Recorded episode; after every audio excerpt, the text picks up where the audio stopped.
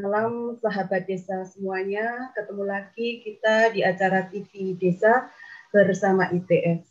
Sebelumnya perkenalkan saya Titik Nuridayati dari Laboratorium eh, Biosains dan Teknologi Tumbuhan Departemen Biologi ITS yang nanti akan menjadi pemandu acara di acara bincang-bincang pada malam hari ini. Mungkin acara ini adalah sama dengan program sebelumnya, bahwa program ini merupakan kerjasama ITS dengan Pusat Kajian Sustainable Development Goal yang berkolaborasi dengan Pusat Penelitian Agripangan dan Bioteknologi serta bekerjasama dengan Departemen Teknik Fisika, Departemen Biologi ITS, dan uh, Local Economic Development Wilayah Kecamatan Tutur, Kabupaten Pasuruan. Uh, kalau kita merujuk pada tujuan SDG pemerintah RI ya, yang juga mungkin menjadi rujukan dari uh, pusat kajian SDG ITS serta roadmap pusat penelitian Agrifotek ITS bahwa salah satu tujuan yang ingin dicapai khususnya dalam bidang pangan atau food itu adalah meningkatkan pertanian yang berkelanjutan dalam rangka mencapai ketahanan pangan. Kita ketahui bahwa Eh, kalau kita berbicara pertanian khususnya di negara kita sejauh ini mulai dari sistem pengolahan kemudian budidaya sampai nanti pada pengolahan pasca panen eh, dilakukan rata-rata masih secara konvensional sehingga tidak sedikit hasil yang didapat itu kurang memuaskan eh, bagi para petani. Selain itu pula kita jumpai bahwa produksi pertanian di Indonesia itu juga uh, sering kali terkendala oleh sejumlah hambatan, mulai dari faktor musim, kemudian unsur hara yang tidak uh, tersedia dengan memadai, hingga sampai adanya serangan hama, penyakit, dan gulma. Dari sini, maka petani kesulitan untuk mendeteksi kualitas produk pertaniannya karena adanya kekurangan alat pendukung.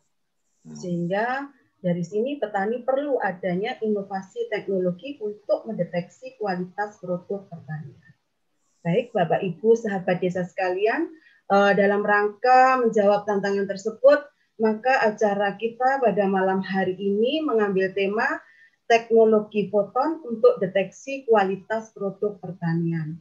Dan telah hadir di tengah-tengah kita dua narasumber kita, yaitu Uh, yang pertama itu adalah Bapak Dr. Renat Insinyur Aulia Muhammad ya. Taufik Nasipion.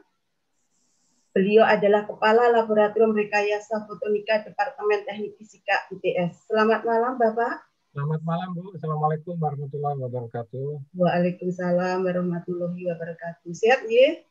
Siap Bu. Oke, uh, selain narasumber juga ada panelis kita yang kedua yang beliau merupakan pelaku langsung di lapangan yang langsung bersentuhan dengan uh, petani. Dalam hal ini diwakili oleh Bapak Ahmad Rajasa. Beliau adalah Ketua Lokal Economic Development Wilayah Kecamatan Putur, Kabupaten Pasuruan. Selamat malam Bapak. Selamat malam Ibu Tuti. Selamat bergabung Bapak di acara bincang-bincang malam kita pada uh, acara bincang-bincang pada malam hari ini. Mudah-mudahan apa yang kita perbincangkan nanti bisa menambah wawasan kita. Jadi pada acara malam hari ini kita akan membicarakan tentang masalah foton ya, teknologi foton untuk mendeteksi kualitas produk pertanian. Kalau kita berbicara tentang foton yang terlintas pada benak kita, eh, apalagi saya seorang biologi itu mesti berkaitan dengan cahaya, begitu. Nah, ternyata cahaya yang merupakan gelombang elektromagnetik hampir setiap hari menemani uh, keseharian umat manusia. Itu karena adanya suatu energi yang termuat di dalam cahaya itu, maka ada istilah keluar foton. Sementara itu kalau kita berbicara secara terminologi, ada istilah sendiri yaitu fotonik. Nah, fotonik ini akan menjelaskan aplikasi teknologi yang berbasis pada pemanfaatan cahaya.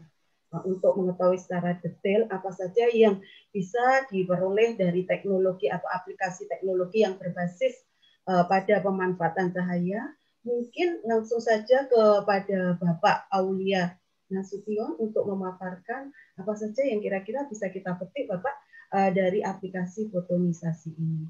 Monggo Bapak. Ini Pak Nuan, saya izin share ya. Iya, monggo. uh, sambil Bapak Aulia untuk menyiapkan itu sedikit saya uh, bacakan tentang CV beliau bahwa beliau itu memang interest sekali ya terhadap foton ini. Jadi ketertarikan beliau dalam kajian penelitian di bidang fotonisasi ini, beliau banyak sekali menghasilkan riset-riset ya yaitu ke arah biomedical optics atau biophotonics, kemudian optical diagnostik dan meteorologi, serta optical sensor development, dan yang ke tertarikan yang lain itu adalah medical instrumentasi dan imaging. Jadi benar-benar beliau ini adalah pakar dan ahli di bidang fotonisasi. Monggo Bapak. Baik. Gimana ini sudah kelihatan ya? Sudah Bapak. Saya besarkan. Terima kasih atas waktu yang diberikan, waktu dan kesempatan yang diberikan. Jadi mohon izin untuk sharing kita jadi nanti mungkin pengantar diskusi dulu terkait dengan tema yang diberikan ke saya yaitu memperkenalkan teknologi fotonik dan terutama aplikasinya untuk pertanian. Nah, aplikasi teknologi fotonik ini sebenarnya sudah cukup banyak kalau kita lihat dimulai dari diperkenalkannya istilah fotonik pertama kali itu tahun sekitar akhir tahun 68-an. 68 70-an itu mulai berkembang fotonik, setelah itu perkembangannya sangat eksponensial sekali. Karena pendampingnya waktu itu diketemukan adalah teori tentang kuantum. Saya nggak akan bahas itu, kita ngomong yang lebih lebih nyata saja, yang bisa diaplikasikan. Jadi aplikasinya untuk saya bahas dalam hal, dalam hal ini adalah aplikasi untuk teknologi uh, di bidang pertanian. Jadi untuk bisa memaparkan dengan runtun, saya mencoba untuk membreakdown uh, paparan tadi menjadi tujuh poin di situ. Yang pertama adalah tentang cahaya itu sendiri, kemudian tentang jenis sumber cahaya serta spektrum panjang gelombangnya, kemudian kita ngomong kandungan energi cahaya. Nah, di sinilah kita menjadi pengantar kenapa kok kemudian cahaya itu yang semula orang lebih mengenal cahaya sebagai optik. Jadi aspek ilmu tentang cahaya dalam fisika itu dibahas dalam keilmuan optik namanya. Kemudian setelah orang memahami, oh ternyata ada kandungan energi cahaya yang di satu sisi e, membawa karakter perambatannya sehingga kemudian orang memberikan nama itu fotonik yang ingin kita bahas dalam poin keempat yaitu apa itu foton dan fotonik yang mengikuti terminologi tadi. Kemudian saya akan masuk ke bahasan tentang cahaya bagi tanaman. Ini cahaya yang lebih ke alamiah. Jadi alamiah memang dalam kehidupan sehari-hari tanaman melakukan fotosintesis yang tidak bisa tidak dibantu oleh cahaya alamiah yang berasal dari sumber satu-satunya yang utama adalah matahari. Kemudian saya akan menginjak ke yang lebih dalam sedikit, namun saya menghindari penggunaan persamaan-persamaan, yaitu tentang interaksi cahaya dengan media. Kalau cahaya melalui suatu suatu media, dalam perambatannya dari matahari ke menuju bumi itu pun itu melalui serangkaian media gas di situ. Sehingga kemudian ada penyerapan, ada hamburan oleh partikel di antara ruang langit tadi antara matahari dengan bumi dengan planet yang lain terutama di kita bumi. Nah itu ada uh, sejumlah interaksi yang kalau kita uh, tarik ke yang lebih kecil di situ bahwa dalam penggunaan dengan bio bio apa namanya biomaterials karena tanaman merupakan jenis biomaterials ada sejumlah interaksi yang kemudian dilalui oleh cahaya saat dia menembus materi tersebut. Nah, ini kita coba bahas karena nanti terkait dengan berbagai aplikasinya. Yang ketujuh dan terakhir adalah uh, pemanfaatannya untuk apa aja di bidang pertanian. Sebelum kita uh, menuju ke tanya jawab pada sesi yang terakhir ini. Baik, jadi kalau kita mulai bangun di pagi hari, subuh itu kemudian nggak berapa lama dari subuh itu kita mulai lihat matahari bersinar terus sampai matahari ada di titik kulminasi, kemudian turun dari titik kulminasi sampai menuju ke sunset. Itu adalah siklus tiap hari dari keberadaan cahaya. Nah, keberadaan cahaya ini selalu menemani kita. Makanya tadi di di abstrak saya mencoba menuliskan cahaya itu mau nggak mau adalah teman setia manusia sejak manusia itu dilahirkan. Nah, sehingga uh, dalam sejarahnya pun manusia kemudian bertanya-tanya, ada apa dengan cahaya ini? Apakah hanya taken for granted saja? Kan tidak. Sehingga kemudian muncul teori-teori tentang cahaya dimulai dari awal-awal sebelum Masehi, kemudian dari bangsa Mesir kuno, kemudian mengalir ke agak modern sedikit itu dibakukan oleh Ibnu Al-Haytham atau yang disebut dengan Al-Hazan. Al-Hazan di situ ya dari dari Irak itu dia diakui sebagai the father of optics karena dia treatment yang dibukukan dalam Kitabul Manazir atau Books of Optics yang jumlah volumenya tujuh itu menjelaskan bagaimana tafsiran dia atas uh, perilaku daripada cahaya. Nah, ini setiap hari, setiap hari makin berkembang, makin berkembang sehingga akhirnya orang menemukan oh ternyata ada aspek energi, ada aspek kuantumnya di situ. Nah, kenapa cahaya bisa bisa kita terima? Ya mau nggak mau karena ada dalam tata surya kita itu ada sejumlah benda langit yang mengitari uh, dalam membentuk suatu galaksi yaitu yang disebut dengan pusatnya adalah matahari ya. Galaksi Bima Sakti. Kemudian di dalamnya ada berbagai benda langit yang ikut berputar termasuk di dalamnya adalah bumi di mana kita kita tinggal di situ. Nah, perputaran ini yang menyebabkan dipergilirkannya siang dan malam tadi. Yang dari waktu ke waktu dalam satu tahun itu terjadi perubahan karena terjadi perubahan uh, inklinasi daripada sudut uh, pusat putarnya tadi. Sehingga kalau kita amati pada bulan bumi utara dengan selatan itu terjadi perbedaan yang cukup signifikan dengan daerah di daerah ketulistiwa terkait dengan jumlah panjang panjang siang maupun panjang malam dari dari suatu siklus eh, pergantian siang dan malamnya tadi. Nah, ini sebagai suatu yang memang kita alami sehari-hari dan kita menganggap bahwa matahari adalah satu-satunya yang paling utama dari sumber cahaya yang nyampe ke bumi. Meskipun ada sumber cahaya lain yang disebut dengan sumber cahaya alamiah. Jadi kalau kita lihat yang bagian kiri, itu adalah sumber-sumber cahaya alamiah, bisa dari bintang-bintang di langit atau ada kilatan uh, apa namanya itu uh, terjadi petir di situ atau uh, terjadi suatu lompatan listrik yang menghasilkan suatu cahaya, terutama kalau diikuti dengan suara yang kita sebutnya gledek ya. Nah itu, jadi di samping itu juga kebakaran yang terjadi secara alamiah karena kekeringan hutan dan sebagainya bisa dianggap sebagai sumber cahaya alamiah. Halo? Ya. ya. Saya lanjutkan, ya. Oke. Nah, di samping itu juga beberapa binatang-binatang kecil, serangga maupun binatang laut, ubur-ubur dan sebagainya itu memiliki Eh, sumber cahaya sebagai sumber cahaya juga karena dia memendarkan sesuatu yang disebut dengan luminescence gitu. Nah sementara itu yang sisi kanan itu adalah sumber-sumber yang dikatakan sebagai man-made, man-made buatan manusia.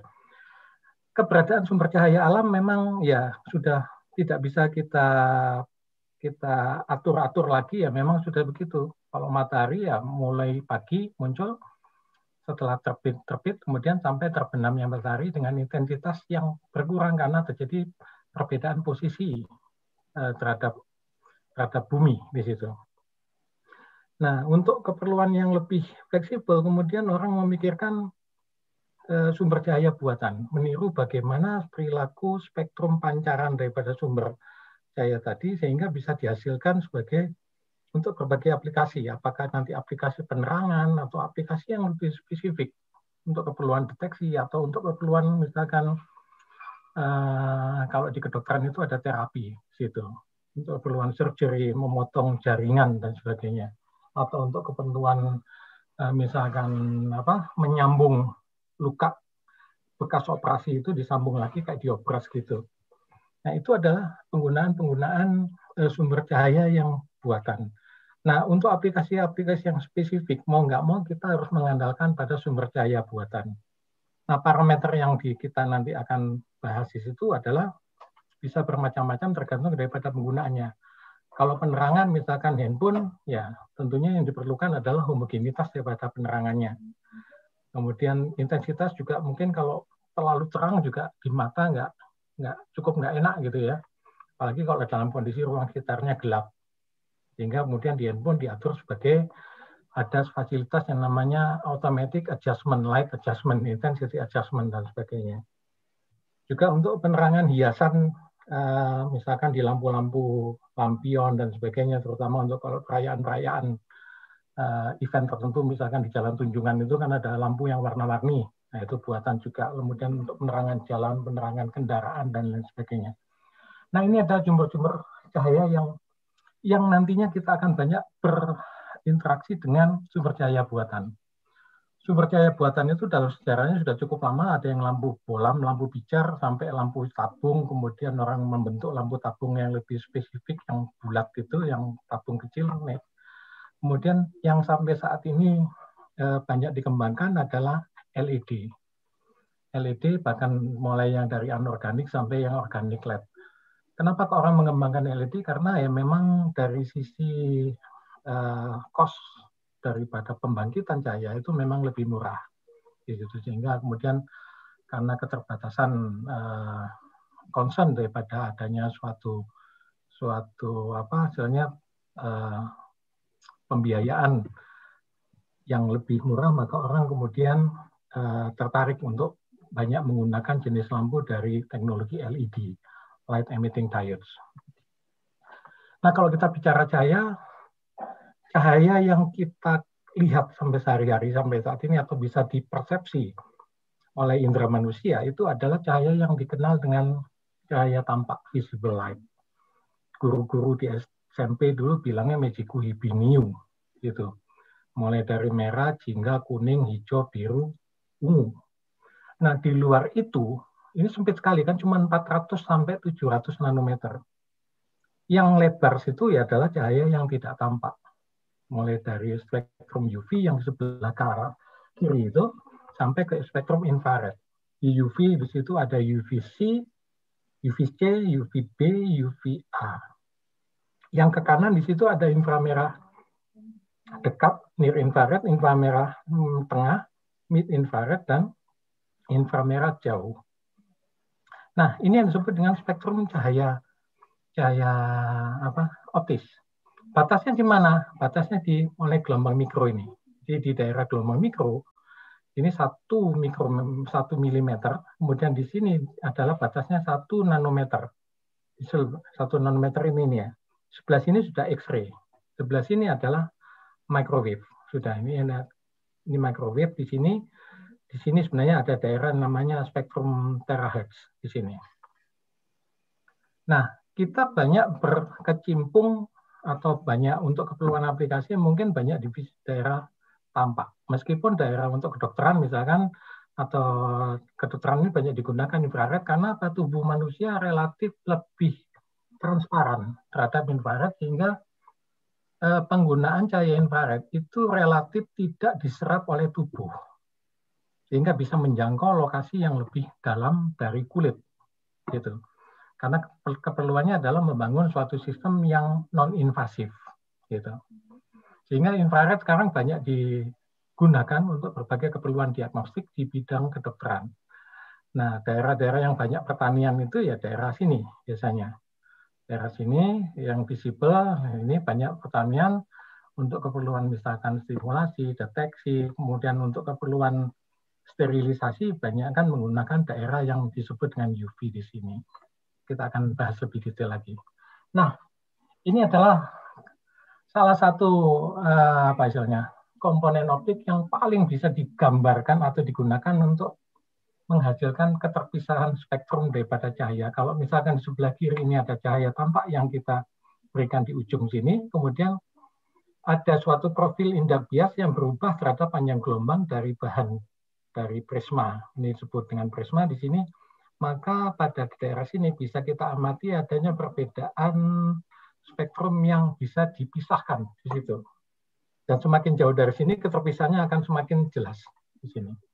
Nah ini terminologi yang atau suatu apa uh, disebut dengan dispersi di situ sehingga orang kemudian menggunakan suatu suatu komponen sejenis ini yang disebut dengan kisi pendifraksi disiplin difraksi untuk apa? Menghasilkan keterpisahan spektra. Tujuannya apa? Ya untuk menghasilkan tadi panjang gelombang yang berbeda-beda tadi. Nanti saya akan jelaskan aplikasinya di mana nanti. Panjang gelombang yang berbeda-beda. Jadi ini terkait dengan spektrum cahaya bahwa cahaya itu memang ada pola spektrum. Kalau di daerah cahaya tampak ya Mejiku Ibiniu ini. Pembuktiannya gampang. Ya cahaya putih yang disebut dengan white light atau cahaya yang pita lebar 400 sampai 700 itu kita bisa pisahkan menggunakan suatu prisma gitu. Atau suatu uh, kisi pendifraksi untuk bisa menghasilkan keterpisahan spektral. Keterpisahan spektral. Mulai dari komponen merah oranye orange kuning hijau sampai ke violetnya di situ. Nah kita lanjutkan bahwa ternyata kemudian orang uh, mengetahui memahami bahwa ada kandungan energi daripada cahaya jadi kalau kita ngomong tadi tidak sebagai karena cahaya itu bisa dirambatkan dari suatu titik ke titik yang lain karena pada dasarnya dia adalah gelombang. Orang menganggapnya dalam klasifikasi gelombang elektromagnetik di situ. Komponen gelombang elektromagnetik yang saya sebutkan dalam dalam apa uh, spektral ini cukup lebar. Di sini adalah gelombang-gelombang EM semua ini. Ini cahaya hanya daerah sini plus sama ultraviolet dan infrared. Ini yang disebut dengan spektrum gelombang optis atau spektrum gelombang fotonik di situ. Batasnya apa? 1 nanometer sampai ke 1 milimeter. Itu batasnya. Perjanjian. Nah, dengan pemahaman energi cahaya, kemudian orang e, berusaha untuk mencari apa sih aplikasinya. Kalau untuk thermal ya pasti cahaya itu ada panasnya karena dominasi oleh infrared spektrum infrared yang dipancarkan matahari itu kalau kita lihat dari spektrumnya ekornya panjang sekali situ. Sementara daerah yang visible yang disebut dengan cool light cahaya sejuk itu hanya sempit sekali di situ. Sehingga kalau kemudian orang ngomong untuk keperluan pencahayaan saja, cahaya pada gedung, cahaya alami pada gedung itu, kemudian orang membuat suatu teknologi bagaimana kita bisa menjebak menjebak eh, kandungan panas yang berlebihan dari cahaya matahari. Kemudian diubah menjadi electricity.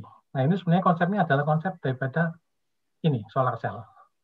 Jadi solar cell itu sekarang sudah pada gedung-gedung tinggi yang terbuat dari kaca itu dilapis di situ sehingga pada saat matahari masuk ke situ tidak menimbulkan efek panas karena efek panasnya yang dikontribusikan oleh infrared itu akan dikonversi menjadi electricity yang digunakan sebagai suatu tambahan untuk keperluan penggunaan listrik daripada bangunan tersebut. Sementara adanya panas kalau sampai masuk ke dalam itu akan mengurangi eh, kemampuan atau menimbulkan ketidaknyamanan termal. Sehingga kemudian kalau ada AC, AC-nya lebih boros di situ. Sehingga kemudian hanya cool light, cahaya sejuk yang yang dilalukan untuk keperluan eh, penerangan saja. Sementara cahaya panasnya atau cahaya UV yang efeknya berbahaya untuk kesehatan itu di, sudah ditapis di situ. Bisa dikonversi juga.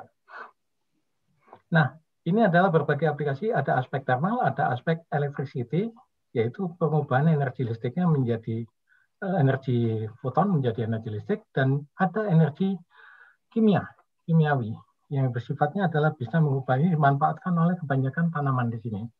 Yang secara alamiah juga memerlukan ada suatu proses fotosintesis untuk bisa menghasilkan energi untuk pertumbuhannya atau untuk keperluan metabolis untuk pertumbuhannya dengan bantuan karbon dioksida kemudian dipicu oleh cahaya dari air yang diserap lewat lewat akar-akar kemudian melalui daun di sini adalah dihasilkan fotosintesis. Nah, setelah orang memahami ini maka kemudian muncul orang bertanya-tanya itu energi ya apa? Kemudian sampai akhirnya bisa dibuktikan bahwa ada sesuatu energi yang bisa melepaskan apa? Melepaskan elektron. Jadi ada suatu percobaan yang di device secara sederhana oleh beberapa ilmuwan pada masa itu yaitu ini dalam suatu tabung vakum di sini ada dua elektroda kemudian disinari satu cahaya foton maka di sini akan bisa didapatkan adanya suatu aliran elektron Ya, ini yang disebut dengan efek fotoelektrik di situ. Jadi kemudian kalau kita ngomong elektron sendiri kan sudah teknologinya sudah mulai awal di situ. Ya, jadi nggak kemudian berkembang istilah elektronik itu kan kalau kita ngomong radio tabung itu sudah cukup lama kan. Itu salah satu bentuk komponen elektronik di situ. Sehingga kalau orang ngomong bahwa listrik itu adalah aliran elektron dan sistem aplikasi daripada adanya aliran elektron tadi orang menggunakan suatu nama electronics atau elektronik gitu. Sehingga kalau kemudian ternyata cahaya itu ada foton, ada kandungan paket energi cahayanya, maka itu yang disebut dengan foton. Dan aplikasinya ini yang disebut dengan photonics. Nah, di situ. Nah, kalau kita lihat bahwa energi foton itu juga besarnya berbeda-beda kan. Sesuai dengan apa? Perbedaan panjang gelombangnya. Jadi kalau kita lihat di sini makin ke UV energinya makin tinggi, makin ke infrared energinya makin rendah. Gitu. Nah, ini saya menghindari sebenarnya mau menghindari persamaan tapi ya mau nggak mau di sini saya tulis saja ya bahwa ada hubungan antara energi dengan frekuensi. Jadi frekuensi kalau kita lihat semakin ke UV frekuensinya akan semakin semakin apa ini? Hanya gelombangnya semakin pendek, frekuensinya semakin tinggi. Yang di sini panjang gelombangnya semakin panjang, frekuensinya semakin rendah. Ya, jadi gitu. Karena apa? Ini berbanding dengan C per lambda. Gitu. Atau perbandingan terbalik dengan panjang gelombang.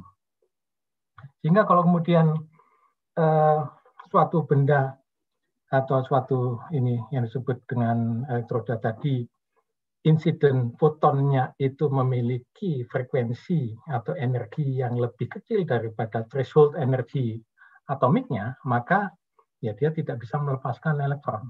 Tapi begitu itu terlampaui, maka elektron akan mampu dilepaskan.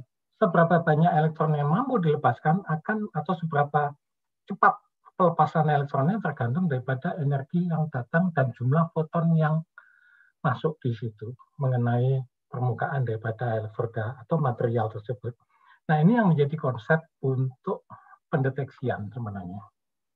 Jadi kita bermain dengan ranah energi, kita bermain dengan jumlah foton gitu sehingga kalau kita ngomong uh, energi foton itu energi one single foton energi satu foton satu dil foton tapi kalau fotonnya banyak kayak kayak apa namanya uh, sapu lidi itu kalau diikat di situ maka itu adalah ensemble of photons jadi di situ ada sejumlah foton yang kita bisa simulasi apa berupakan dengan lidi-lidi satuan tadi.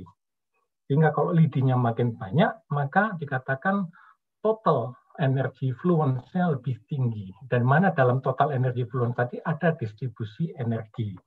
Nah, ini saya nggak akan bahas terlalu detail ya. Tapi konsepnya seperti itu, fakta harus saya sampaikan. Nah, apa itu photonics? Ini ada satu video yang cukup menarik. Bisa dilihat nih.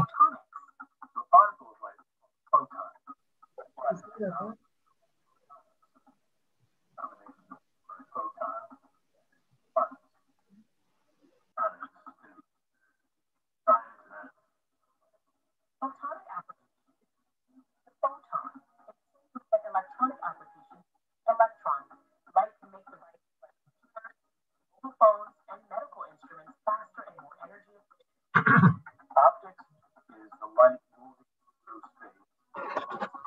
Photonics is when the light hits the solid and turns to a electronics. Imaging are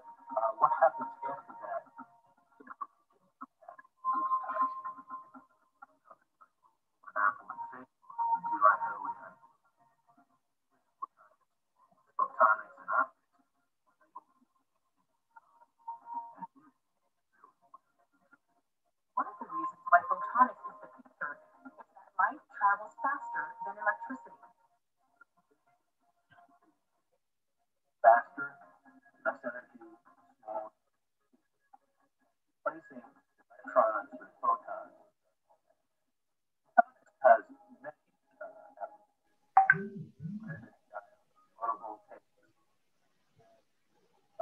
many photonics one of them. Rochester will be photonics manufacturing hub. $600 million Nah, saya stop di sini ya. Nah, jadi itu adalah kelebihan-kelebihan daripada fotonik, yaitu dibanding dengan elektron. Aliran karena apa? Prosesnya kecil kan? Kecepatan namanya transmisinya juga sangat tinggi sekali. Kita sudah banyak merasakan sampai saat ini ya kita bisa melakukan zoom di sini karena ada penghantaran data ya dalam jumlah tinggi yang sangat cepat sekali nyaris uh, real time di situ jadi kalaupun ada jeda-jedanya cuma sedikit sekali jeda tetap ada kecuali memang bandwidthnya sangat-sangat besar sekali nyaris tidak ada jeda di situ. Jadi kelebihan-kelebihan yang mungkin bisa di, kita gapai dengan teknologi fotonik itu sangat sangat besar sekali. Meskipun tidak bisa dipungkiri sampai saat ini tetap ada gabungan dengan elektronik karena kebanyakan sistem uh, sistem pemroses data komputer dan sebagainya yang diperlukan untuk keperluan perhitungan dan sebagainya itu masih mengandalkan aliran elektron. Tapi ke depan orang sudah mulai berpikir bagaimana mengenerate suatu optical computing system. Jadi full optical mulai dari switching ya karena kalau kita ngomong chip itu pada dasarnya adalah terjadi proses switching di situ sehingga orang memikirkan how to to cope with the fully optical switching di situ. Nah ini teknologinya sedang diteliti jadi agak berkejar-kejaran uh, di antara berbagai uh, kelompok penelitian yang ada di dunia ini. Jadi saya lanjutkan terkait dengan interaksi. Nah, ini yang menjadi saya mau ambil langsung yang berkaitan dengan aplikasi yang kita bahas hari ini yaitu tentang tanaman. Tanaman itu adalah salah satu jenis biological tissue. Tisu tubuh manusia juga biological tissue. Uh, hewan juga biological tissue di situ. Kalau ada sumber cahaya atau cahaya yang masuk ke dalam ini ada bidang batas tisunya, maka yang pasti dialami di sini adalah pantulan dulu. Jadi ini disebut dengan bidang batas. Bidang batas yang terjadi pada saat pertemuan pertama dengan cahaya datang pasti ada yang dipantulkan. Kelebihan daripada yang sisanya atau misalkan kalau kita ngomong tidak ada hambatan di sisi permukaan ini maka akan diteruskan. Nah, diteruskan ini yang disebut dengan transmitted light di sini kalau dia masih melalui di sini dan merangkai, mengalami serangkaian event atau kejadian penyerapan, maka sebagian energi yang ditransmisikan tadi akan diserap.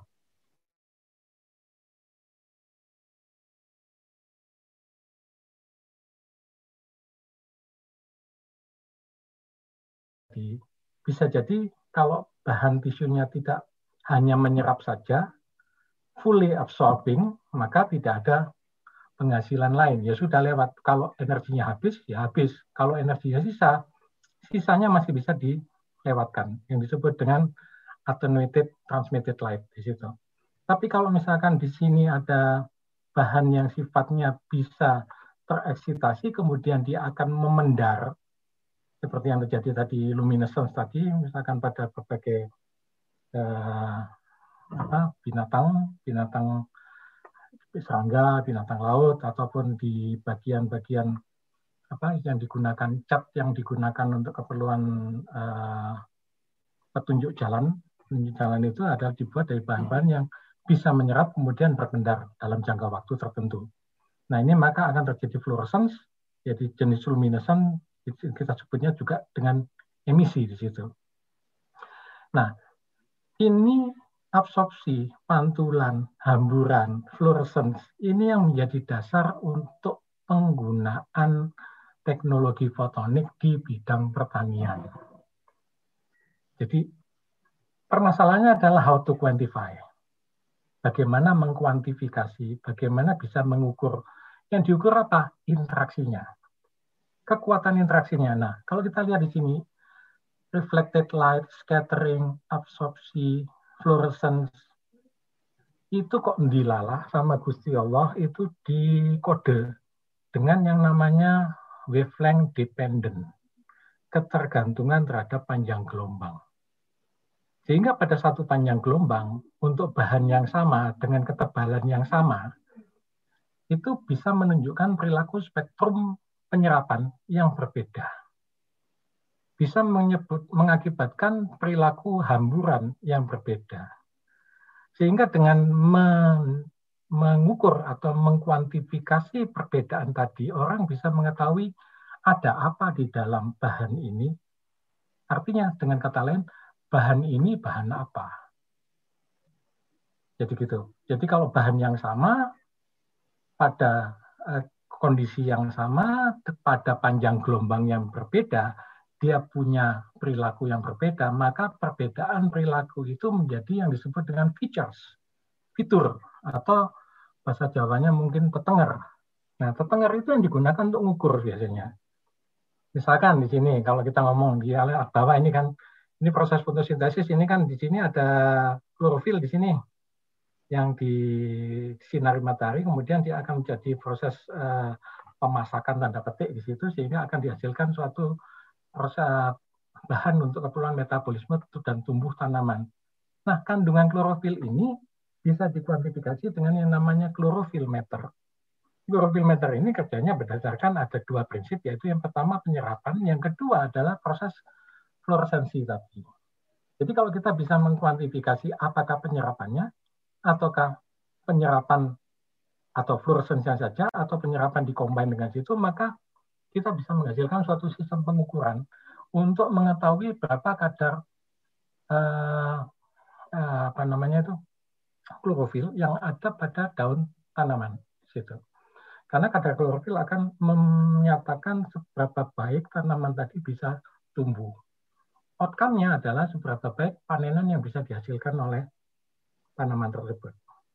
Karena nanti akan juga dipengaruhi oleh uh, nutrisi yang ada di media pertumbuhan tanahnya. Ini adalah terkait dengan uh, tadi ngomong adalah cahaya yang alamiah di situ. Ada mekanisme interaksi dan interaksi ini menjadi penting untuk bisa membangun suatu aplikasi yang bermacam-macam di situ. Jadi prinsipnya kalau ada cahaya, pasti ada yang dipantulkan, ada yang diserap, ada yang dihamburkan, juga ada yang diemisikan kembali. Nah, kalau kita bisa mengkuantifikasi ini, maka kita bisa membangun, tinggal mencari hubungan mana yang paling signifikan untuk keperluan yang kita inginkan tadi. Nah, ini ada berbagai aplikasi, misalkan ini kalau yang gini-gini ini Israel paling jago ini saya lihat banyak publikasi, banyak paten yang kayaknya diketemukan oleh Israel. Ini adalah salah satu pemanfaatan thermal imaging. Thermal itu panas tadi kalau kita ngomong bahwa kandungan panas daripada cahaya, ya. Kemudian imaging adalah proses pencitraan. Jadi kalau kita ngomong thermal imaging, yang ditangkap oleh sistem imaging tadi adalah panjang gelombang inframerah yang dipantulkan dari objek-objek yang kita citrakan. Nah ini kan banyak dalam masa pandemi ini banyak digunakan uh, alat pendeteksi wajah, temperatur wajah di situ di bandara ataupun di beberapa kantor itu sudah digunakan uh, thermal imager sehingga kita diminta lihat oh temperatur tubuh kita sekian gitu. Nah ini diperlukan untuk aplikasi uh, pertanian. Di situ bisa kita dapatkan distribusi temperatur mulai dari permukaan tanah sampai ke permukaan dari bagian atas daun. Tujuannya untuk apa? Ini bisa ditarik untuk perhitungan berapa kata kandungan air dari tanaman. Apakah tanaman tersebut kekurangan air, cukup air, atau berlebihan air di situ. Itu bisa ditentukan dari adanya penggunaan thermal imaging. Nah, ini kemudian eh, orang bisa kemudian menggunakan eh, kalau cakupan anunya luas sekali, sekarang sudah ada yang disebut dengan quadrocopter udah nggak masalah kan tinggal kameranya ditempelkan di quadrocopter tinggal mengatasi adanya getaran dan sebagainya. Kemudian data rekamannya bisa ditransmit ke suatu stasiun untuk pengukuran. Sehingga kita bisa memetakan areal pertanian yang luas di situ dengan menggunakan eh, sistem thermal imaging untuk mendeteksi berapa moisture content di atas vegetasi tersebut atau misalkan di uh, kandungan air tan dari pohonnya sendiri bisa kita petakan dalam suatu ya ini adalah perbedaan pseudo coloring yang bisa dihasilkan dari perbedaan intensitas uh, panjang gelombang pada daerah rentang termal yang ditangkap oleh detektor. Ini satu, yang kedua adalah teknologi hyperspektral. Teknologi hyperspektral ini asal mulanya adalah teknologi mata-mata yang biasa digunakan negara maju kebanyakan ya negara yang punya apa didaya itu, dia punya satelit mata-mata yang bisa memancarkan panjang gelombang yang sempit. Jumlahnya banyak di situ. Sehingga kalau kita ngomong ada terminologi spectral imaging, ada multispektral, ada hyperspektral. Kalau multispektral biasanya panjang gelombangnya hanya 1 sampai 10-an. Tapi kalau hyperspektral bisa sampai ratusan panjang gelombang. Jadi dengan teknologi itu negara-negara di daya itu bisa memata-matain suatu negara tanpa diketahui. Tinggal memancarkan panjang gelombang yang sempit, jumlahnya banyak, kemudian ditangkap pantulannya di situ, kemudian dia membangun suatu sistem untuk bisa me mengkuantifikasi hasil pantulannya tadi. Sehingga dari sini kita bisa dapatkan, kalau misalkan ini panjang gelombang cahaya putih, ya keluarannya cuma gini aja, nggak ada bedanya kan paling kita bisa tahu ini tanaman, ini tanah, ini kan. Yang sini ada celah-celah, di sini ada uh, satu region tanah yang masih kelihatan karena ada space di situ. Namun dengan teknologi hyperspektral kita bisa bagi-bagi ini apakah dia tanamannya itu kekurangan pupuk, kelebihan air, atau misalkan tanaman daerah-daerah region yang sehat yang mana, gitu. Nah, tujuannya untuk apa di sini? Ya tadi kita bisa mendapatkan interpretasi yang kita inginkan tergantung daripada uh, korelasi yang mampu kita bangun di situ. Problem utamanya memang membangun korelasi di situ. Jadi kalau korelasi sudah dibangun, maka akan mudah sekali di situ. Apakah nanti kita bisa tentukan less uh, fertilizer ini ke kekurangan nutrien yang mana, kekurangan komponen yang mana dari pupuknya. Apakah kelebihan fosfat atau kelebihan uh, kalau pupuk itu kan kalium ya mungkin ya itu nanti kita bisa bangun di situ berdasarkan apa uji coba atau eksperimen yang yang cukup solid untuk bisa menafsirkan itu dan berulang gitu. Nah ini aplikasi uh, hyperspectral imaging.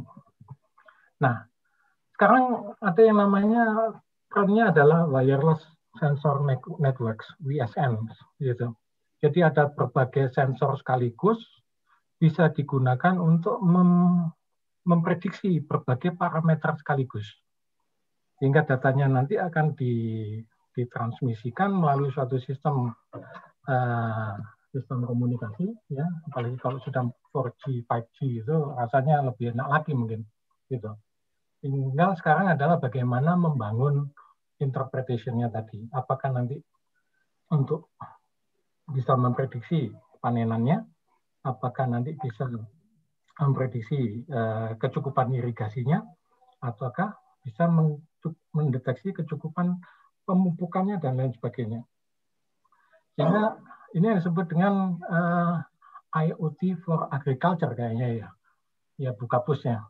Jadi ini memang sekarang trennya seperti itu, jadi teknologi kemajuan teknologi deteksi digabungkan dengan komunikasi dan teknologi pemrosesan data itu akan bisa membawa manfaat yang sebesar-besarnya untuk bidang pertanian, terutama untuk meningkatkan ketahanan pangan di situ, mendukung upaya program ketahanan pangan. Nah, ini aplikasi yang lain untuk deteksi. Kalau tadi adalah proses pertaniannya, pra panen, yang di sini kita ngomong pasca panen. Jadi teknologi fotonik terutama terkait dengan tadi, dengan memahami uh, perilaku interaksi, kita bisa menggunakan untuk berbagai macam aplikasi. Misalkan yang di sini adalah kalau apel tadi di situ pernah ada suatu kerusakan di dalamnya, di situ maka dengan berkata bertambahnya waktu, maka kerusakan itu akan menjadi makin membusuk, membusuk dan sebagainya. Ini bisa kita lihat bedanya dengan teknologi multispektral, spectral imaging. Sini akan kelihatan sekali kalau di sini tidak terlalu kelihatan dengan mata normal.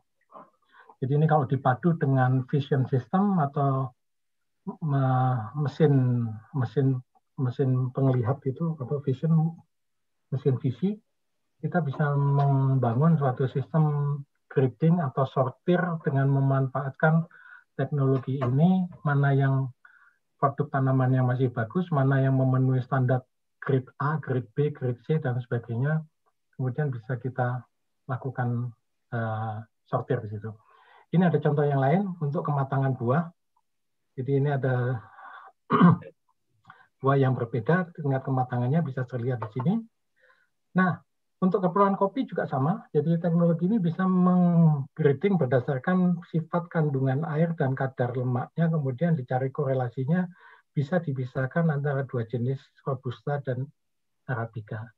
Beberapa penelitian terkait dengan robusta dan arabica maupun uh, apa istilahnya tingkat jenis-jenis misalkan kopi robusta yang luwak atau tidak itu pernah kami lakukan dengan eh, kolega yang ada di Udayana dengan menggunakan teknik spektroskopi FTIR dan dan LIBS itu.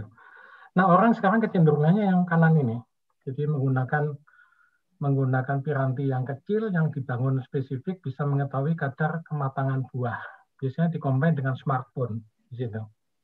Kami juga akan mengarah ke percobaan ini, ke uh, penelitian ini. Ini masih dirintis, ada satu mahasiswa yang sudah berminat di sini. Nanti akan kita kembangkan juga untuk berbagai keperluan deteksi pada tanaman. Nah ini sistem sortir buah yang tadi saya sebutkan. Ini kami juga lagi dalam upaya inisiasi pengembangan penelitian bersama dengan IPB dan UB di sini untuk membangun suatu sistem sortir satu jenis buah tertentu bisa dikembangkan ke jenis buah yang lain dengan memanfaatkan teknologi imaging maupun spektroskopi gitu. Sehingga kita bisa grading berdasarkan ukuran, berdasarkan tingkat kematangan daripada buahnya gitu. Tujuannya adalah matu membangun suatu sistem yang yang apa customize di situ sehingga sistem customize kan memang lebih murah tujuannya. Ini adalah nah aplikasi yang mungkin terakhir ini terkait dengan sterilisasi. Kenapa sterilisasi penting? Yaitu untuk memperpanjang usia penyimpanan di pedagang sebelum dibeli oleh konsumen. Karena kalau di situ ada ada bakteri atau ada kontaminasi di situ, maka uh, akan mudah terjadi proses pembusukan. Sehingga dengan teknologi terutama di sini adalah UVC di situ yaitu daerah spektrum UV sekitar 200 sekian eh, panjang gelombangnya 250-an itu bisa digunakan untuk keperluan sterilisasi sehingga apa bakteri-bakteri yang melekat yang tidak bisa apa dilihat itu bisa dimatikan dinonaktifkan sehingga efek daripada pembusukan yang ditimbulkan oleh adanya kontaminan tadi menjadi terhambat. Ini ada stimulus, ada jadi tren yang lagi baru di sini adalah bagaimana memicu pertumbuhan tanaman. Pertumbuhan tanaman tadi bisa dipicu dengan mempercepat prosesnya dengan menggunakan pencahayaan buatan di sini. Ini ada kalau nggak salah ada video yang cukup bagus di sini. Bapak Aulia, mohon maaf mungkin ditahan dulu sebentar nggih. Nanti okay. Oke. Okay. Kita lanjutkan. Memang ini sangat menarik sekali. Okay. Jadi ini mungkin serang terakhir. Jadi kalau memang ini sudah, monggo nanti bisa disimak. Kita lanjutkan diskusinya nanti biar okay. lebih bayang. Uh, selanjutnya kepada Bapak uh, Rajasa Ahmad Rajasa, monggo untuk menanggapi ini dan uh, sebelum menanggapi apa yang sudah dipaparkan oleh Bapak Aulia, Uh, monggo Pak Ahmad Rajasa sebelumnya mungkin bisa memperkenalkan atau menjelaskan dulu tentang lokal economic development. Monggo Bapak.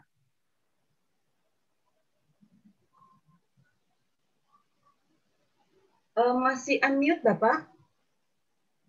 Bapak? Halo Bapak? Iya. Ya. Iya. Sampun Bapak silakan. Sudah, sudah. Sudah.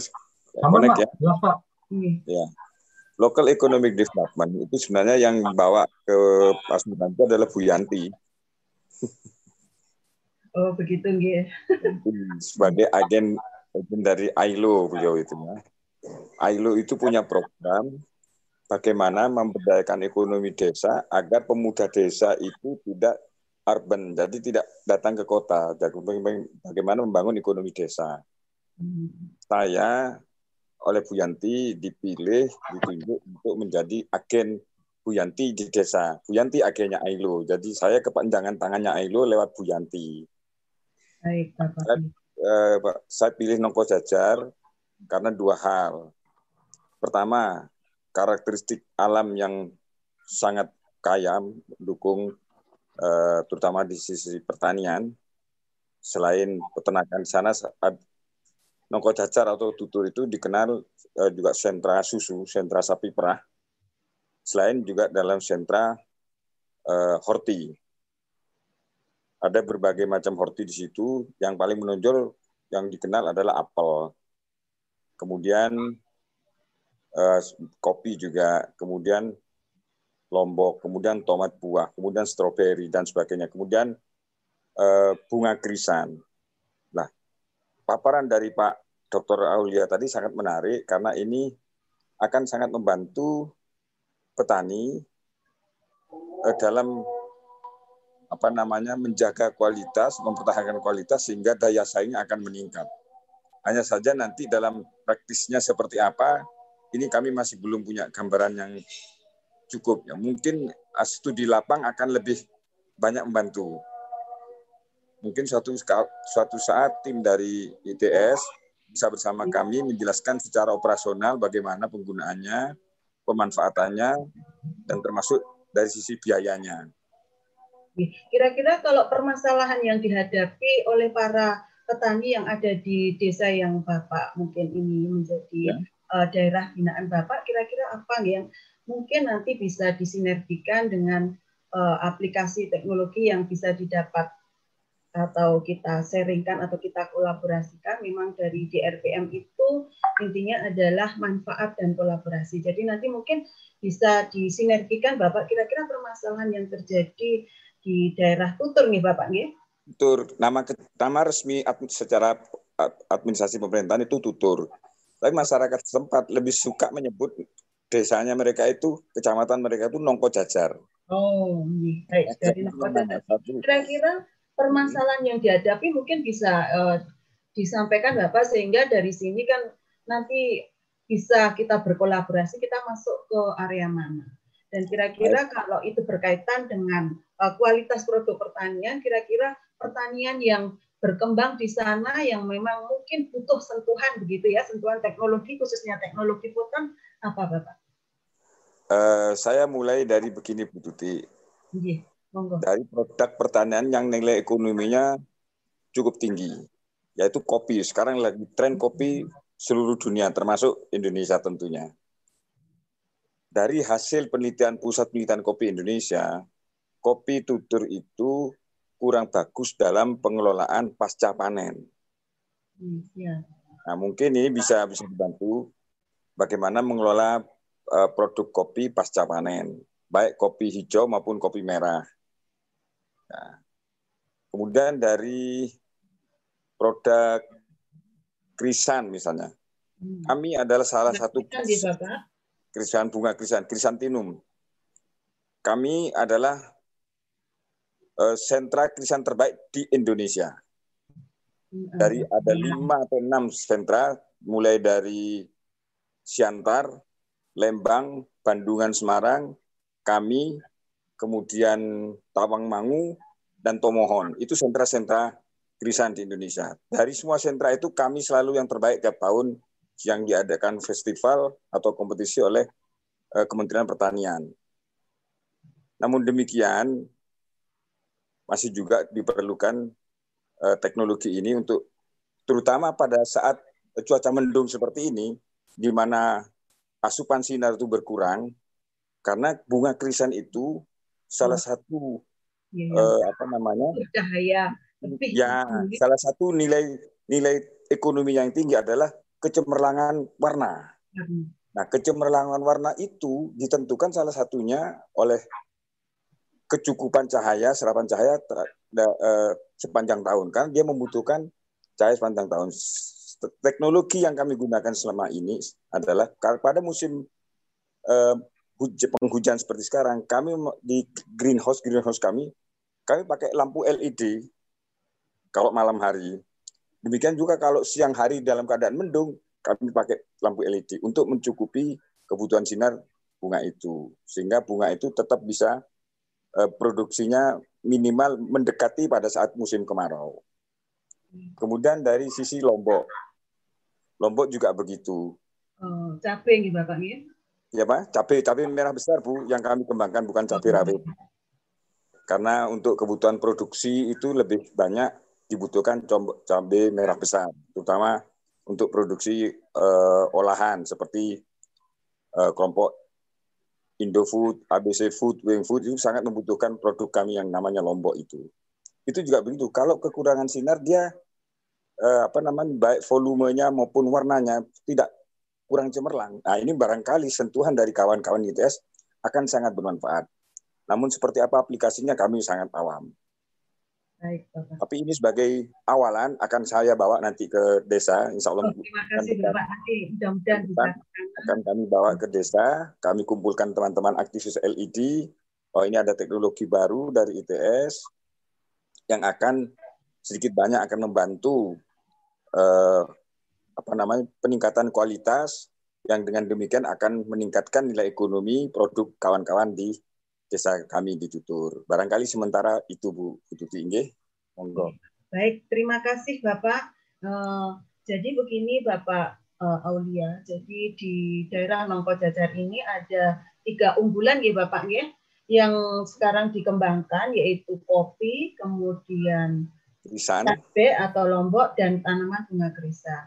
Uh, kalau boleh tahu Bapak, sebetulnya dari uh, kualitas produk pertanian itu kan banyak aspek ya, baik itu faktor dalam mungkin dari segi varietasnya, tapi kalau dari segi varietas sudah pasti karena memang yang dikembangkan itu adalah tipe varietas yang sama ya Bapak, baik itu lombok, krisan maupun uh, kopi. Mungkin dari segi varietas sama, tapi memang dalam perkembangannya kalau kita membicarakan masalah varietas, kemudian artinya ada suatu uh, kondisi yang apa namanya sifat genetik itu yang tidak bisa diprediksi. Tetapi kemungkinan kalau para petani uh, seragam menggunakan uh, jenis yang sama. Jadi mungkin ada kondisi lain selain faktor dalam, ada faktor luar. Baik itu misalkan kondisi tanah, Bapak. Kadang-kadang kondisi tanah kalau kita sering menggunakan uh, tanaman yang seragam dari tahun ke tahun kan pasti akan terjadi salah satu pengurangan unsur hara tertentu ya yang itu mungkin juga bisa mungkin Pak Aulia bisa memprediksi ya. Jadi intinya begini Bapak, kira-kira dari teknologi fotonisasi ini eh, apa yang bisa dikerjasamakan kalau memang itu menyangkut eh, produksi tanaman? Karena kalau kita berbicara produk suatu pertanian itu apa namanya hasilnya itu banyak dipengaruhi oleh faktor luar dan faktor dalam. Tentunya kalau yang berkaitan dengan faktor Eh, teknologi fotonisasi ini lebih cenderung kita mencoba mengaplikasikan pada faktor-faktor luar. Misalnya terhadap kandungan unsur hara yang ada di dalam. Itu kan teknologi fotonisasi juga bisa gitu Bapak. Eh, selanjutnya mungkin eh, kandungan air. Bisa juga juga dengan tadi yaitu kecukupan cahaya yang memang cahaya itu adalah sebagai sumber energi utama karena cahaya tadi yang seperti Bapak Aulia sampaikan bahwa cahaya ini di dalam tumbuhan memang punya potensi besar untuk meningkatkan uh, proses fotosintesis. Dan fotosintesis ini merupakan kalau kita lihat dari hasil proses fotosintesis itu ya, yang menghasilkan karbon. Nah ini karbon itu akan digunakan untuk membentuk unsur-unsur yang lainnya di dalam tumbuhan. Nah kira-kira menurut Pak Aulia bagaimana kalau ada uh, kondisi yang demikian itu. Jadi permasalahannya mungkin yang punya krisan ini uh, lebih banyak terpengaruh oleh kondisi musim. Kalau musim hujan mungkin keberadaan cahaya juga berkurang. Kemudian yang kopi ini adalah bagaimana mempertahankan cita rasa atau apa Bapak nih? Kalau yang terkait dengan kopi ini? Cita rasa terutama Bu. Nah, Betul. Terkait cita rasa yang mungkin eh, kalau kandungan hara pun mungkin juga bisa mempengaruhi pada kondisi cita rasa. Kalau lombok besar mungkin yang sangat berpengaruh apa Bapak? Produktivitasnya atau? Uh, saya sebenarnya awam di bidang pertanian Bu. Saya dulu pendekatannya pendekatan manajemen aja sebenarnya. Bagaimana petani? Artinya berarti hasil ya hasilnya terus menurun begitu atau bagaimana menurun itu tidak Bu. Menurun tidak. Jadi Eh, gangguan-gangguan hama dan penyakit itu oh, sebenarnya berarti lebih banyak disebabkan ya memang kalau lombok itu sangat sensitif terhadap oh. nah, penyakit ya seperti sudah kami pakai, pakai greenhouse, tapi tanaman dan tanaman masih tetap bisa menyelinap gitu. Meskipun kami pakai greenhouse, apalagi teman-teman yang tidak pakai greenhouse karena greenhouse cukup mahal bu, cukup mahal. Kalau pakai standar yang benar itu cukup mahal dengan teknologi greenhouse itu. Sementara hmm. kebanyakan petani ini greenhouse konstruksinya pakai bambu bu. Hmm. Yang bambu itu hanya bertahan paling lama lima tahun, rata-rata tiga empat tahun sudah harus ganti dan biayanya cukup mahal greenhouse untuk sekitar 3.000 meter itu menelan biaya sekitar 50 sampai 60 juta. Itu hmm. suatu modal yang sangat besar, besar begitu nih. Kadang-kadang bahkan nggak balik modal begitu Bapak. Ya? Nah, itu. Baik, terima kasih Bapak. Monggo Bapak Aulia kalau dengan permasalahan uh, begitu kira-kira uh, dari teknologi fotonisasi ini apa yang bisa disumbangkan untuk memecahkan masalah itu nih Bapak? Monggo.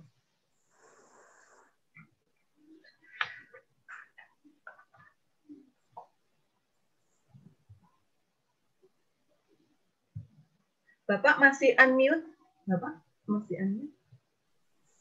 Oke, kalau yang kopi itu kan eh, sebelum dia dipetik itu kan kita ngomongnya buah kopi ya. Ya.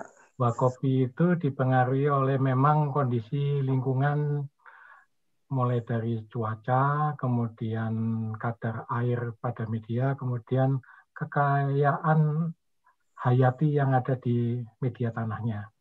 Keanekaragaman hayati di situ. Yang saya pernah baca seperti itu. Sehingga kecukupan mineral-mineral tertentu. Kenapa kok kemudian, ini saya sempat ada ide kenapa kok kita punya kopi premium di daerah Gayo, di daerah misalkan daerah mana di di Toraja, kemudian di Papua, Wamena, kemudian di ada beberapa tempat lagi yang memang unggul dari sisi cita rasa. Kita nggak ngomong pengolahannya dulu ya. Dari sisi yang green bean-nya sendiri itu memang kelihatannya premium level ya di situ.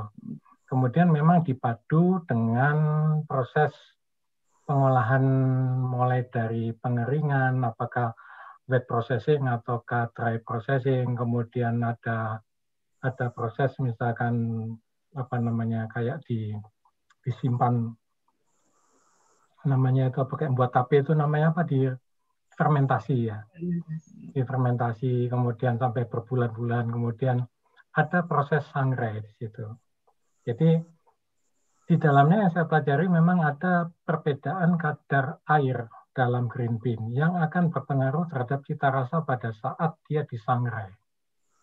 Nah, mungkin penyebabnya adalah salah satunya itu.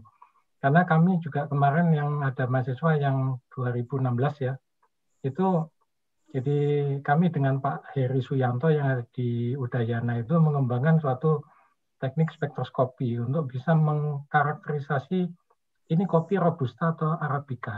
Hmm. Nah, kemudian eh, ini kopi biasa atau kopi yang memang tidak difermentasi atau yang difermentasi lewat luak di situ. Kemudian bagaimana pengaruh eh, proses sangre, lama penyangraian di situ. Kemudian juga bagaimana kadar kadar green bean, kadar moisture daripada green bean itu bisa dari one single shot dengan menggunakan laser, kemudian kita bisa analisis uh, berbagai spektra sekaligus yang bisa mengidentifikasi kadar unsur-unsur tertentu yang bisa mencirikan setelah melalui analisis statistik di situ, kemudian kita bisa mencari, oh ini daerah klaster ini adalah klaster daerah uh, robusta di daerah Jawa bagian ini. Ini yang klaster robusta arabica daerah Jawa bagian ini. Nah, itu sudah kami kembangkan. Nah, dalam proses itu memang kami teridentifikasi kalau kita tidak bisa mendapatkan sampel tanah, memang agak sulit. Hmm. Karena kalau mau holistik berarti pendekatannya harus ada uji analisis sampel tanah. Karena kita bisa tahu misalkan daerah Gayo itu ada apa dengan di samping di samping memang ada faktor ketinggian ya. Ketinggian kan memang ada kopi yang baik itu katanya daerah-daerah yang agak tinggi gitu. Tapi juga ada kelembapan juga. Kemudian ada juga uh, shading factor di daerah sekitarnya cukup tinggi atau tidak, gitu kan, terhadap tanaman-tanaman lain di situ. Kemudian keanekaragaman uh, mineralnya sama atau tidak. Nah, bayangan saya kalau kita bisa mengidentifikasi misalkan daerah-daerah kopi yang premium tadi, kita bisa menganalisis. Saya belum bisa dapat sampelnya karena sampel yang kami dapatkan untuk untuk percobaan ini adalah sampel yang diberikan oleh pengepul. Agak sulit karena sudah nyampur nggak karuan. Maunya kita adalah sampel yang dari satu lokasi plantation, kita ambil pohonnya berbeda, di situ sekaligus sampel tanahnya sehingga kita bisa bangun suatu metode uh, kuantifikasi atau metode analisis yang bisa membedakan pencirian kopi tadi terkait dengan asal mulanya, region daerahnya ini kebanyakan ini daerah sini yang memiliki kandungan mineral seperti ini dan sebagainya. Maunya begitu, tapi masih belum kelakon ini. Jadi kalau kita ngomong memang agak sulit gitu Bapak kalau memang uh, bekerjanya dengan apa namanya nutrisi yang ada di dalam media ya. begitu ya. Karena memang tapi, sangat tapi teoritikal kajian-kajian paper yang saya baca memungkinkan untuk, untuk dilakukan. Iya. Memungkinkan. Karena teknik spektroskopinya juga sudah bagus standar kan. Yeah. Kita bisa menggunakan LPS atau digabung dengan dengan FTIR atau juga UVP biasa juga bisa untuk produk misalkan kita ngomong green bean-nya saja atau misalkan buah kopinya kita bisa analisis itu kemudian hmm. dibangun korelasinya seperti apa itu Nanti kalau berbicara kopi. mungkin ke arah kopi yang sudah menjadi bubuk kopi itu juga nah, dipengaruhi sulit, sulit itu. Angre, karena gitu ya. iya itu pengaruhnya banyak sekali dengan fotonisasi ini bisa nggak bapak Bagaimana? Nah, kalau misalkan sudah jadi seperti itu ya agak sulit. Nah, ibarat kita tembok sudah jadi, kemudian kita mau tahu unsur kandungan komposisi, misalkan uh, kapurnya berapa, semennya berapa kan ya lah. Botolnya pakai apa? Kan, Tapi ya. kalau sudah misalkan mendapatkan sebuah produk, Bapak ini produk kopi yang akan siap untuk dibuat menjadi bubuk begitu, agar dia uh, stabil suhu untuk pemanasannya itu kan bisa ya?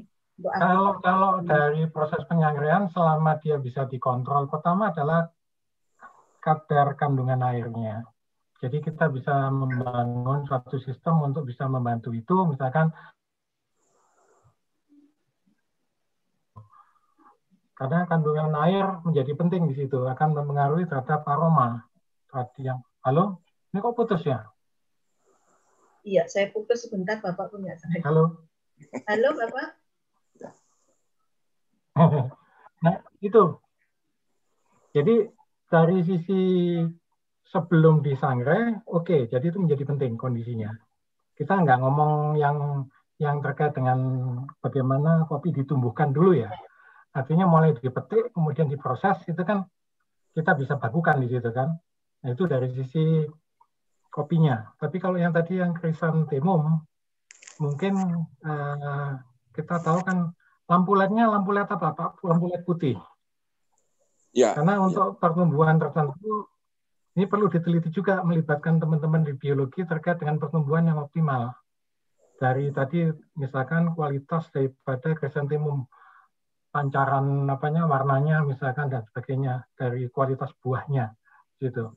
Itu kan ada kriteria-kriteria buah yang unggul di situ itu perlu perlu dibangun dulu sehingga nanti kita bisa kontribusikan untuk bisa mencapai pertumbuhan seperti yang menghasilkan itu.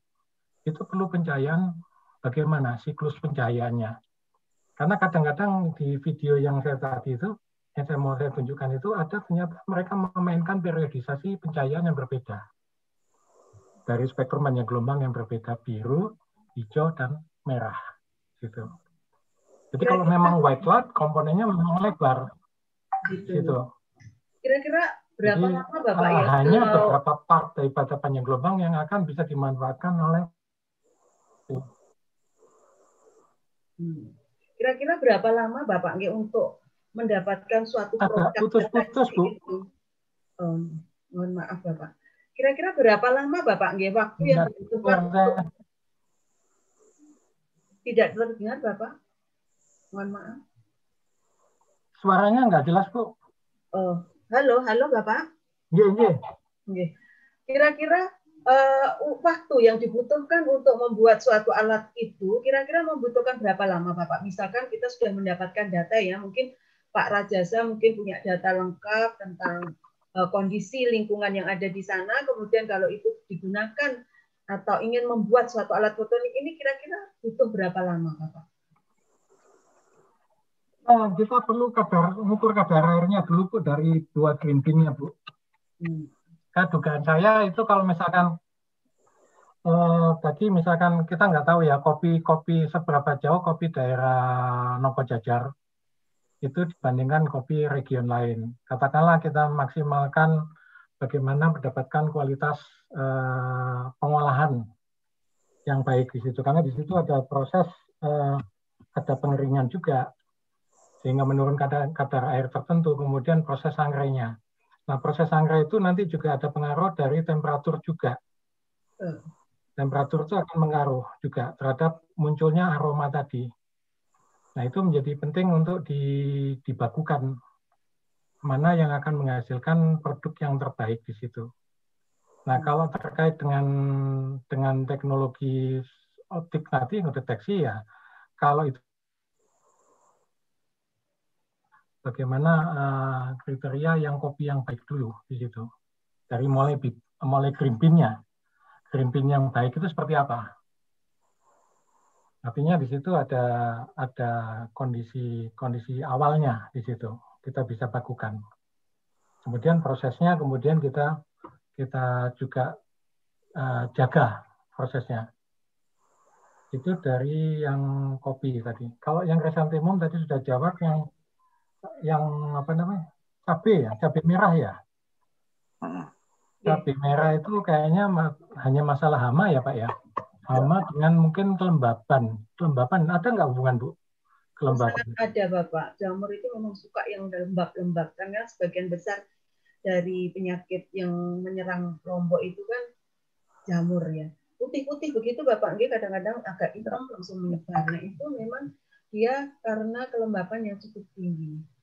Gitu Bapak. Memang itu memang kelembapan ini sangat mempunyai pengaruh yang besar terhadap produk kelompok ini. Gitu Bapak.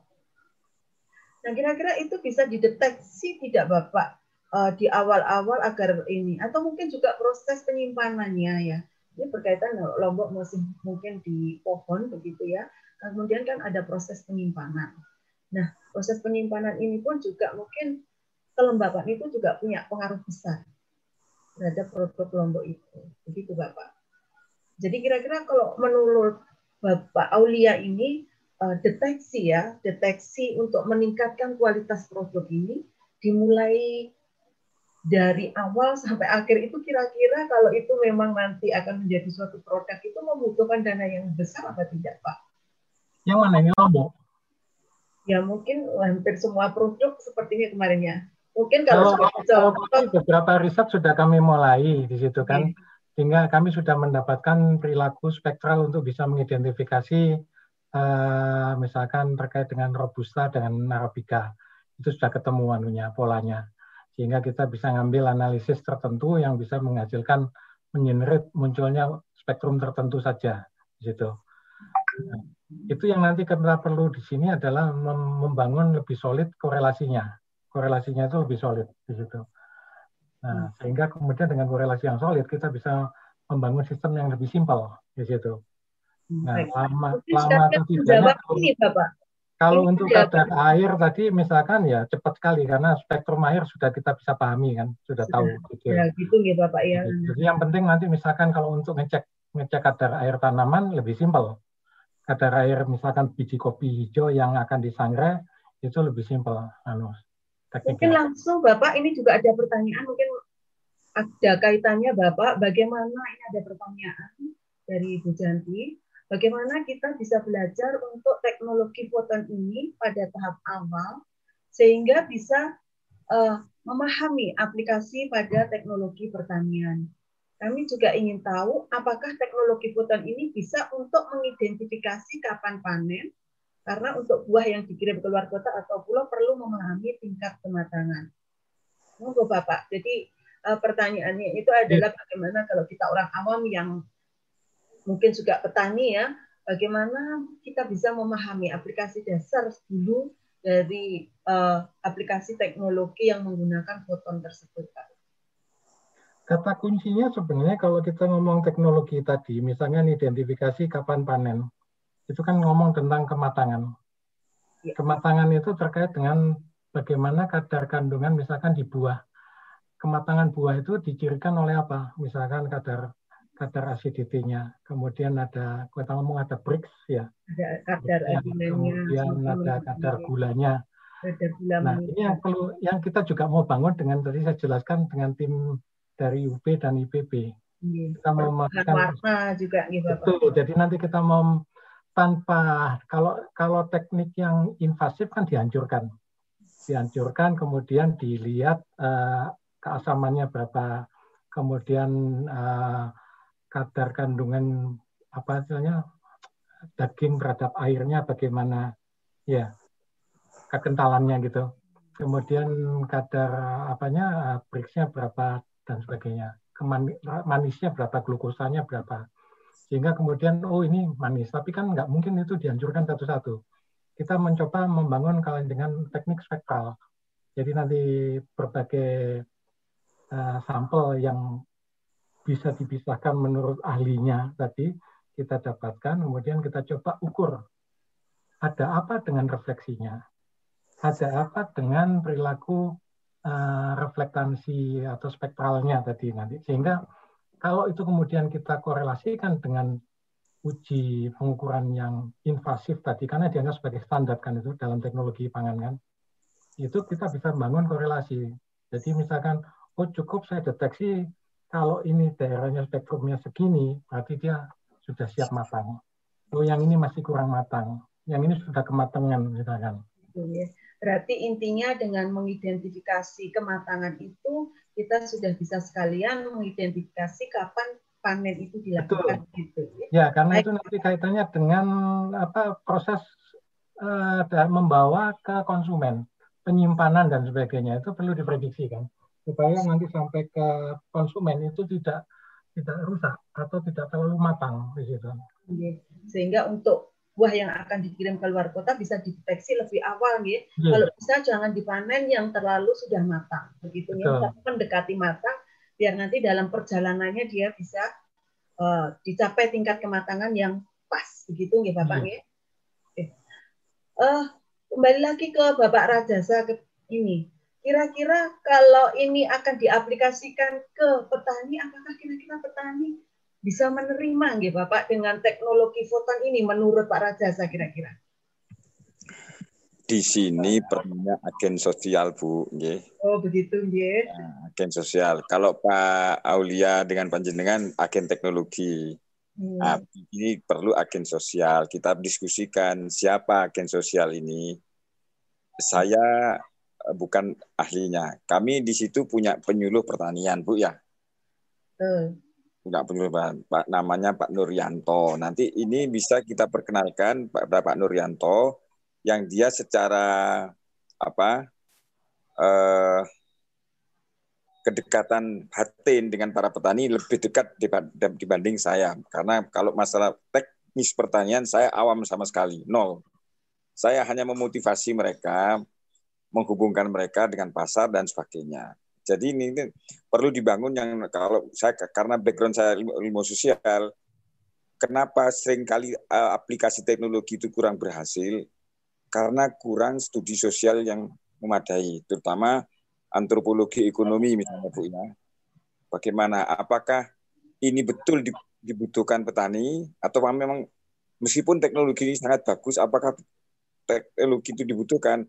Nah, untuk mencapai supaya petani merasa membutuhkan, yaitu bagaimana kita memberi pemahaman bahwa ini Anda harus sangat membutuhkan. Ini perlu teknik tersendiri, perlu diskusi tersendiri, perlu strategi sendiri, perlu waktu tersendiri agar uh, apa jerih payah dari Pak Aulia dan kawan-kawan yang sudah sangat bagus ini betul-betul berhasil secara optimal. Dan ya, itu kalau dilakukan uh, tidak tergesa-gesa, insya Allah karena ini kan tidak merubah perilaku dasar, Bu. Betul, yeah. Menyempurnakan saja. Kalau merubah perilaku dasar itu yang sulit. Seperti kami dulu memperkenalkan pupuk organik, sulitnya setengah mati. Betul. Kalau ini tidak. Jadi ini saya saya sangat optimis, tapi tentu juga bukan saya. Ak, uh, aktor utamanya bukan saya. saya figuran saja lah, katakan begitu saya figuran saja, tapi saya tetap akan mendukung. Seperti Pak Alia tadi, untuk kopi kita butuh sampel tanah, butuh sampel kopi petiknya yang sudah matang, dan sebagainya itu bisa kami lakukan. Tapi bagaimana bahwa ini akan meningkatkan kualitas produk yang otomatis akan berdampak pada kualitas pendapatan. Nanti kami akan diskusikan dengan kawan-kawan uh, anggota LED di sana. Oke. Siapa hmm. nanti yang bisa menjawab? Tentu jadi uh, sebelum sebelum mereka menyampaikan, Pak Aulia perlu mengkursus agen kami ini nanti Ibu. Hmm. Kursus dulu secara teknologi teknisnya, bukan teoritik. Disiapkan ya Bapak Aulia. Siap. Jangan ngobrol sampai kopi Pak. Kalau teoritiknya oke okay lah. Tapi bagaimana eh, aplikasinya yang yang mudah diterima, yang sebenarnya sederhana eh, tapi mudah dilakukan. Sederhana, logik, logik, logik saja gitulah bu. Ya, hmm. adapun perhitungan teknisnya rumit bisa dengan tulisan. Tapi yang dengan penjelasan lisan, orang tertarik kan dengan lisan dulu bu, tidak dengan tulisan hmm. bu. Jadi apa katanya para ahli psikologi say hello itu, efek hello itu, hello efek itu sangat penting terhadap keberhasilan satu program. Nah, halo efek ini perlu kita diskusikan nanti bagaimana membuat halo efek pertama supaya pertama terperangah, oh ternyata ini memang perlu, kami perlukan. Nah ini, nanti kita perlu diskusi lebih lanjut, saya kira Bu. Saya kira itu Bu. Terima kasih. Baik, terima kasih. Berarti uh, Bapak Aulia, monggo nanti apa-apa yang bisa kita kolaborasikan dengan mungkin mengambil satu sampel ini ya di tempat Pak Rajasa yang mungkin memang kalau kita berbicara seperti sama Pak Rajasa memang kalau kita meng, yang seperti pupuk gitu ya kalau langsung diterapkan karena pupuk organik itu kan juga efeknya lama begitu ya tidak bisa langsung dirasakan tapi sebetulnya dalam jangka panjang itu sangat menguntungkan menguntungkan betul, betul. Ya, tetapi memang bagi petani itu kalau secara langsung ingin menikmati ya memang cukup sulit biasanya kita hanya mengkombinasikan tetap pakai pupuk kimia tapi mengurangi perlahan-lahan baru nanti pupuk organik maupun pupuk biofertilizer itu bisa masuk. Ya, tapi kalau yang foton ini mungkin juga sekaligus ada pertanyaan dari Bu Maya, tapi uh, mungkin Pak uh, Aulia juga bisa uh, menjelaskan ya kira-kira kalau cahaya itu memang aman dan tidak ada gangguan apa pun, mungkin bisa dijelaskan Bapak ini ada pertanyaan uh, fotonik dapat digunakan sebagai deteksi kualitas produk pertanian. Nah, dalam proses deteksi tersebut, semua produk pertanian akan terpapar energi dari uh, suatu panjang gelombang tertentu. Mungkin yang dikhawatirkan gelombang-gelombang yang berbahaya itu mungkin Bapak Uh, padahal untuk di dunia pertanian tidak melibatkan yang apa tadi istilahnya pada skop sterilisasi nggih, cahaya sterilisasi hmm. yang mungkin bisa membuat uh, begitu nggih.